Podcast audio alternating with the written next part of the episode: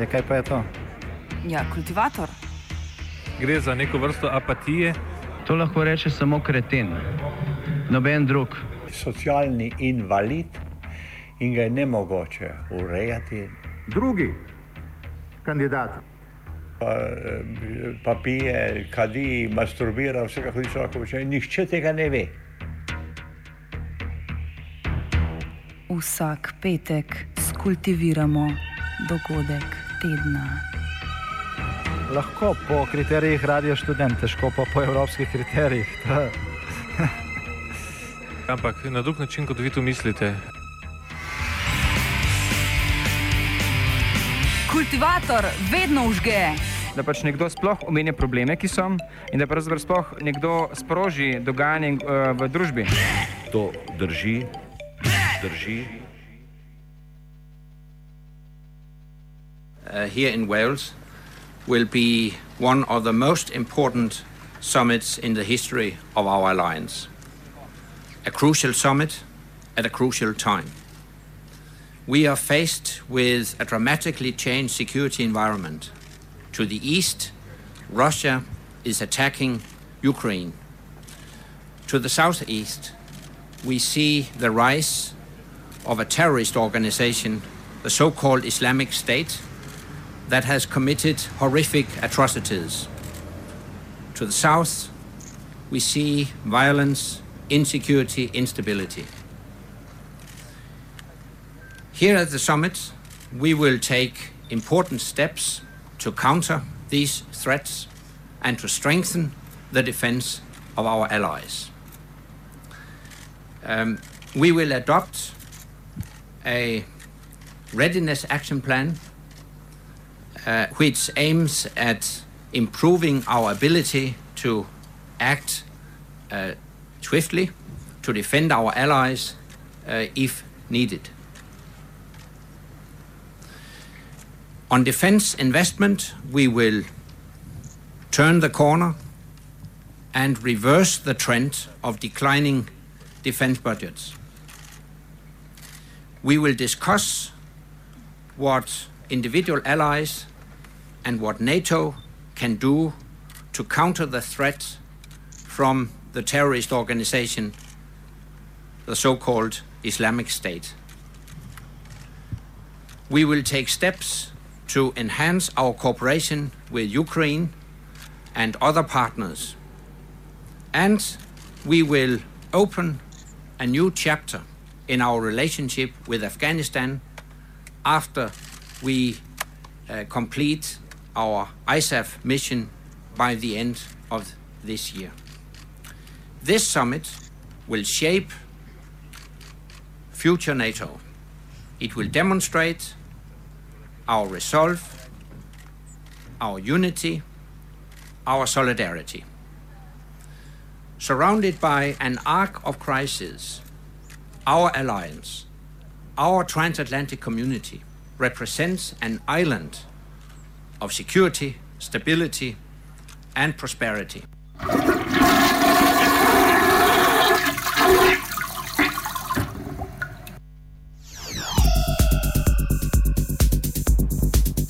NATO upadli imperializem.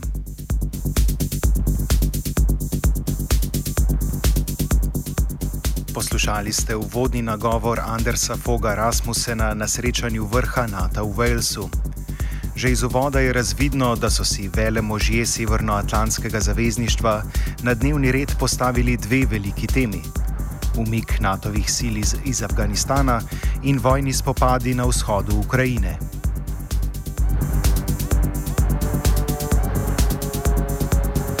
Začenjamo z Afganistanom, za uvod pa poskrbi britanski premijer David Cameron. We meet at a crucial time in the history of our alliance. The world faces many dangerous and evolving threats, and it is absolutely clear that NATO is as vital to our future as it has been in our past. Russian troops are illegally in Ukraine. The extremist Islamist threat has risen in a new form in Iraq and Syria. These are just two of the threats that we face. NATO is the anchor of our security, and over the next two days, we must reinvigorate and refocus this alliance to tackle new threats and to ensure it continues to foster stability around the world. This will be the last NATO summit before we end our combat mission in Afghanistan. And I believe we can be proud of what we achieved there. The terrorist threat has been substantially reduced. We've trained up the Afghan forces so they can provide security across the whole country. And this year, the Afghan people voted in huge numbers in their presidential elections. Afghan leaders now need to come together to deliver the positive and peaceful outcome that the Afghan people deserve. As we enter a new chapter in our relationship, we remain fully committed to Afghanistan and the hopes of the Afghan people for a peaceful, secure, and prosperous future. The best way to honour our fallen soldiers is by remaining vigilant and ensuring that we enable the Afghan people to stop their country from once again becoming a haven of terrorists. Of course, our courageous armed forces do not just serve in Afghanistan, but in many countries around the world. They work tirelessly to keep us safe.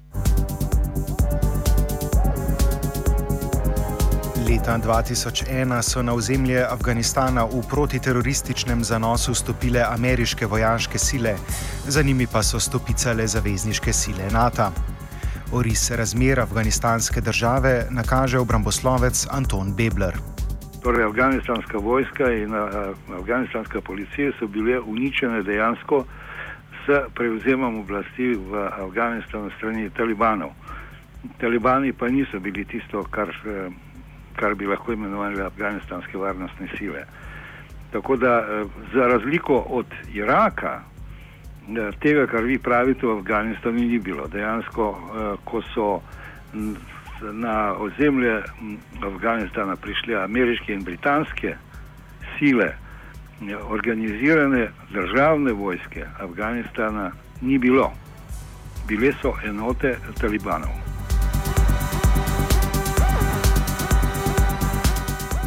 Kakšna pa je bila vloga NATO-vih sil? No, no, NATO se je pojavil šele kasneje. NATO se je pojavil šele skoraj dve leti kasneje. Najprej so se v Afganistanu pojavile ameriške in britanske, najprej specialne enote in na to tudi pripadniki kopenskih sil. NATO se je pojavil šele potem, ko je bila sprejeta ustrezna resolucija Varnostnega sveta OSN in so države članice svetovne organizacije so s tem, s to resolucijo pozvali, da prispevajo k spostavitvi varnega Afganistana. In tedaj je bila ustanovljena ta sila s kratico ISAF, ki naj bi pomagala oziroma podpirala afganistanske varnostne sile v vzdrževanju varnosti in miru najprej v sami prestolnici, kasneje so njo, te, to dejavnost razširili tudi na druge dele Afganistana. Tako da NATO-va, NATO-va vloga, kolektivna vloga, je sledila in je potem delovala usporedno, večinoma bila je šipkejša od vloge oboroženih sil Združenih držav Amerike v Afganistanu.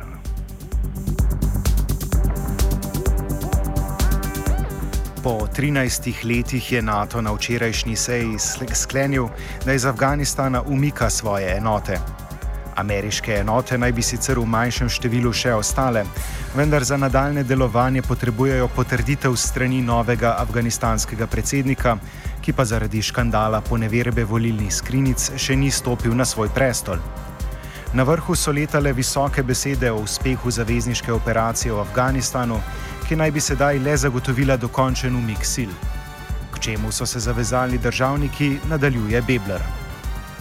Torej, kar se tiče NATO v celoti, je tudi v tem dokumentu, ki so ga ravno sprejeli v Walesu, rečeno, da se s letošnjim letom se enote, kolektivne enote NATO umikajo iz Afganistana in Afganistanu edino ponujajo pomoč pri urjenju eh, afganistanskih eh, oboroženih sil. To bi lahko NATO počel kolektivno. Druga je stvar, v kolikšni meri bodo v Afganistanu in kakšnih, s kakšnim številom bodo ostale ameriške sile. Domnevno tam nekje okrog 10-12 tisoč ameriških vojakov so, je vlada Združenih držav Amerike pripravljena pustiti v Afganistanu kot neko varovalko za primer, če bi prišlo do razpada sedanjega, sedanjega režima. Toda ta prisotnost ameriških sil je odvisna od tega, ali bo novi eh, predsednik oziroma nova vlada Afganistana eh, podpisala eh, sporazum z Združenimi državami Amerike, ne z NATO, z, z, z Združenimi državami Amerike o statusu eh, teh eh, ameriških sil, ki bi, ostale, eh, ki bi ostale v Afganistanu. In tega sporazuma podpisanega še ni.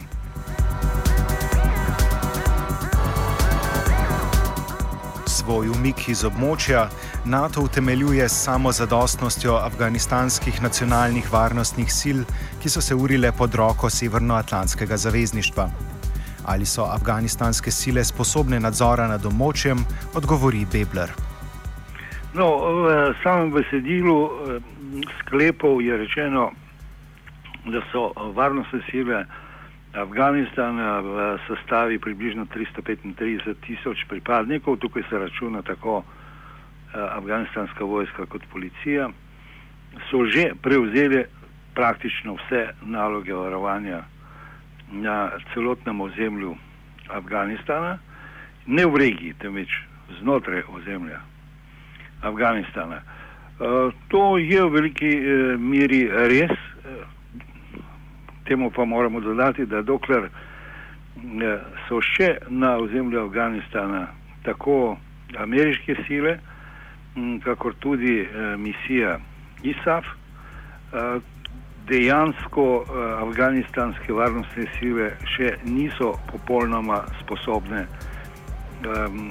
zagotoviti varnosti na celotnem ozemlju Afganistana in tudi v sami prestolnici. Ne. Kam bodo vodile poti Afganistana, ostaja odprto vprašanje. Mi pa se selimo na drugo pomembno točko NATO-vega vrha, to je v Ukrajino. Kmalo bo minilo leto dni od začetka euromajdanskih protestov v prestolnici Kijev. V staji ljudstva je po pravilu sledila nova oblast, ta pa se je z zapeljivimi pogledi obračala k lačnemu zahodu. Ni bilo treba prav dolgo čakati, da se je na vzhodu države unila vojna, ko so se proruski simpatizerji uprli novopečeni ukrajinski oblasti. Kako se je začelo, nadaljuje Bebler. Pol z Rusijo izvira iz tega, da, da, za, da je za vlado Ruske federacije nespremljivo članstvo Ukrajine v NATO. To je neposredni, neposredni vzrok za rusko, torej rusko v smislu podporo Ruske federacije ruskim stajnikom v vzhodni Ukrajini. In to je temeljni namen tega posredovanja.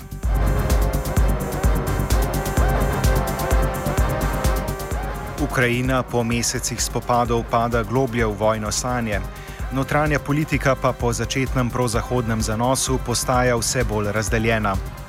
Za ozek krok premožnih kapital diši z obeh strani. O notranji politiki nadaljuje Bebler. Zahodu lahko pomeni recimo pridruženo članstvo, eventualno pridruženo članstvo ali partnerstvo Ukrajine z Evropsko unijo. Ukrajina je itak že od samega začetka ustanovitev partnerstva za mir leta 1994, se pravi pred 20 leti, je članica tega, tega partnerstva za mir, ima tudi posebno komisijo za sodelovanje z NATO in tako dalje. In tako dalje. Če vi govorite o tem, potem tukaj kakih premikov ni bilo. Res pa je, da so ukrajinske vlade zauzemale različna stališča glede tega, kako daleč iti v tem povezovanju ali sploh iti v povezovanju tako z Evropsko unijo kot z NATO. In trenutno stanje je tako, da so sama, samo, sama ukrajinska elita je deljena glede tega vprašanja. stališče predsednika Porošenka, kot vidim, je drugačno od stališča predsednika, začasnega predsednika vlade, Jacenjuka. In stvari se bodo morda bolj razbistrile po eh, prihodnih parlamentarnih volitvah v Ukrajini, se pravi na tistem delu Ukrajine, ki ga nadzoruje vlada v Kijevu. Vlada v Kijevu pa ne nadzoruje celotnega ukrajinskega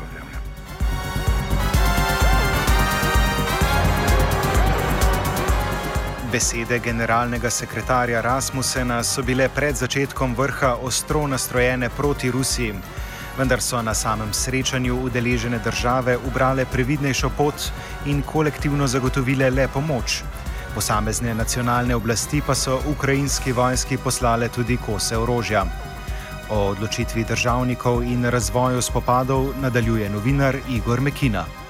Ja, seveda, poslali naj bi ena država naj bi poslala že te precizne izstrelke v Ukrajini, to je že sam Pošenko potrdil. Ne.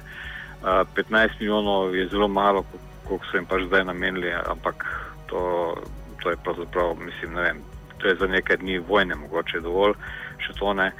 Uh, ampak tisto, kar je bistveno, seveda je, je ta neko, politična podpora, zaveze so bile dane in um, mislim, da bo v naslednjih mesecih seveda prišlo do bistveno večje podpore tudi uh, vojaške v smislu hardvera, ne, da bo prišlo pretekati v Ukrajino veliko več tega orožja. In uh, trenutno pa seveda Počenko nima druge izbire. Doživel je dejansko poraz, oni so računali, da bodo nekje imeli že parado za dan neodvisnosti ali pa malo kasneje v Donetsku, Lugansko. To se ni zgodilo, zato ker je seveda očitno tudi Rusija posegla vmes.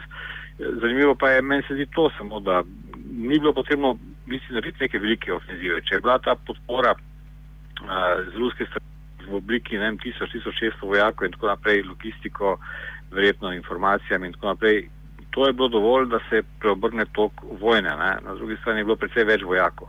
To govori tudi nekaj o sami tej ukrajinski vojski, ki očitno je bila dejansko v tako slabem stanju, da tega ni mogla uh, izpeljati. Ne? Tako da druge rešitve zdaj za nikogar ni, uh, za ene in za druge je to neke vrste predah, po moje, ne? in zato bo Porošenko to, ta podpis sporazuma seveda z, z Putinom z veseljem sprejel. Uh, enako velja tudi za upornike, tudi oni morajo paziti, ne, da ne naredijo iste napake, kot je naredila ukrajinska vojska, namreč da se ne, njihove sile ne razpotegnejo preveč v globino, ne, kjer bi lahko doživele poraz, ker seveda zopet ne gre za ne vem kakšne eh, sile. Ne. Tako da to je en tak konflikt sicer nizke intenzivnosti, ampak z zelo, zelo veliko eh, žrtvami, seveda civilnimi in po mojem seveda tudi popolnoma nepotreben, zato ker bi se ga dalo preprosto uh, rešiti, uh, če bi pravočasno uh, sklenili kompromise, uh, ki bi Ukrajini omogočili, da preživi v neki drugačni poziciji kot neka umestna država med, med EU in med uh, Rusijo, ali pa da se vsaj uh, da neka avtonomija temu vzhodu in da se omogoči vzhodu države, da ne pretrga uh, trgovinske uh, in druge vezi z, z Rusijo, kar je pa seveda nujna posledica pridruževanja Evropski uniji. Mislim, tega bi se morali evropski komisari zavedati. Ne vem, zakaj so rinili uh, točno v to smer. Očitno so želeli doseči prav to, kar se je na koncu zgodilo. Ne vem pa, za koga je to dobro. Ne? Za nas vsekakor ni. Pred samim vrhom je bilo strani NATO slišati agresivnejšo politiko proti večni sovražnici Rusiji. Iz ust sekretarja Rasmusena so prišli načrti o aktivaciji posebnih sil za zagotavljanje varnosti na Zahodu in gradni stalnih oporišč v državah bivše Sovjetske zveze. S komentarjem politike NATO nadaljuje Mekina. Ja, te posebne sile ja, so, so tako en šmorn, kot uh, analitiki to strokovnjaki vaški poznajo. Ne. Mislim, da predvsem Norvežani in Britanci imajo nekaj teh sil, ki so res kaj vredne, vse ostalo niti ni na nekem zelo visokem nivoju. 4000, 10.000 posebnih sil, to je mogoče, vse je mogoče zastrašiti kako balkansko državo, ni pa mogoče zastrašiti Rusijo. To je popolnoma iluzorno in tega se treba zavedati. Se pravi, so, to so resne zadeve, s tem se ni treba igrati. Rusija je jedrska sila, uh, ima tudi spremenjeno doktrino, prišle so ven informacije, da so celo grozili vse po nekih kanalih internih, zdaj, da bodo celo uporabili taktično nuklearno orožje, ne? zdaj vprašanje, da bodo to uradno zanikali, ampak na to je treba računati. So, to so zelo nevarne zadeve, to ni samo šahovska igra, ki si jo je predstavljal Brežinski verjetno v svojem kabinetu, ampak lahko dejansko odnese kakšen kontinent, če se bomo s tem preveč narodno igrali. Ja, NATO predstavlja to, kar se v Rusiji dogaja kot uh, seveda, neke vrste uh, začetek oziroma povod za svojo ukrepljeno vlogo. Ne. Čeprav je pravzaprav obratno, ne. dejansko je NATO za svojim širjenjem, neprestanjem povzročil to in to smo neko, mnogi opozarjali v zadnjih letih, tam tudi od leta 2004 naprej, ko se je zadeva približala Sloveniji, smo postali sami člani, še posebej. Ampak tega nihče ni resno vzel. Meni se zdi zanimivo, recimo, da nihče ni vzel resno jo, uh, gospoda Kenona, ki je bil en zelo znan geopolitik na uh, Zahodu in avtor tistega dolgega telegrama, ki je pravzaprav predlagal ne, uh, ZDA prvič, ne, da naj na nek način z sankcijami obkolijo oziroma izčrpavajo Sovjetsko zvezo. On je bil avtor te politike, ki jo zdaj pravzaprav uh, Evropska unija in ZDA nadaljujejo. Ne. Ampak tudi on je odsvetoval širjenje zveze NATO na vzhod in rekel, da je to najhujša napaka, ki jo lahko naredijo. Da bo to imelo reakcije e, z opostavljanje zopet e, ne samo Rusije, ampak iskanje drugih povezav, blo, v bistvu nastajanje nekega novega bloka, če želite. Vse to se zdaj dogaja pred našimi očmi. Povezovanje z e, držav v okviru BRICS-a, povezovanje z Rusijo, teža proti teža. Ta princip velja tudi v mednarodnih odnosih. Ne.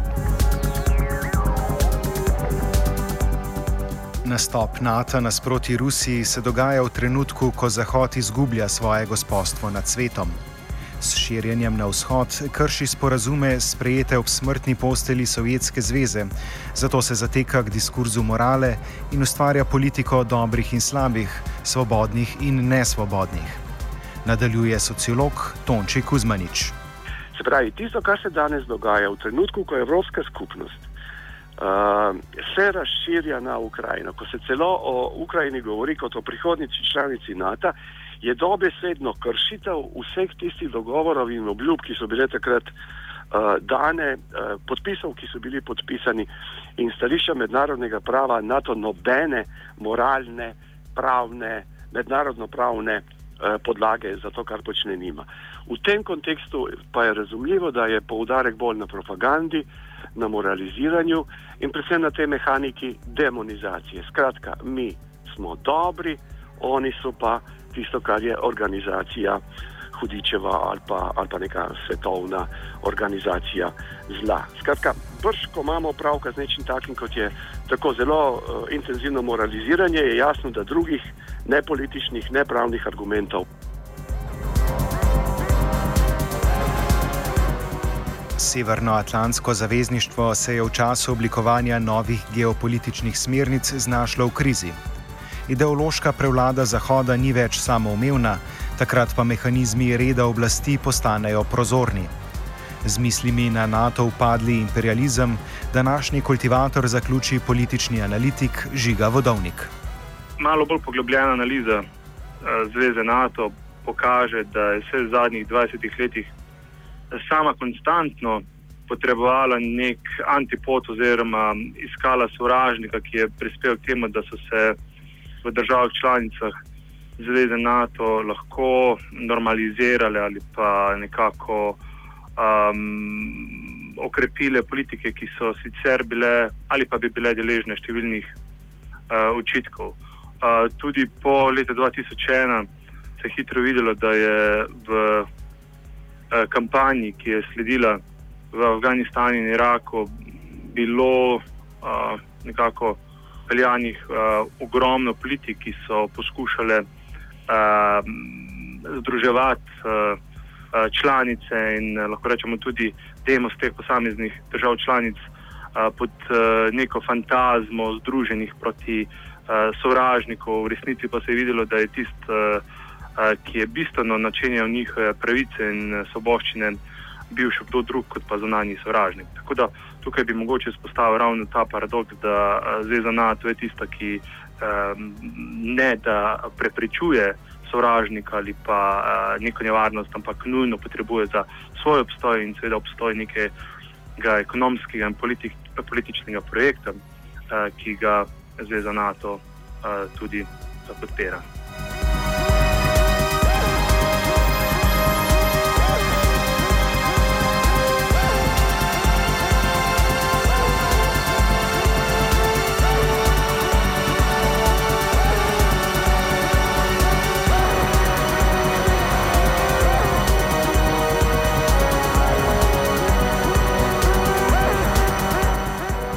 Kultiviral je Jošt.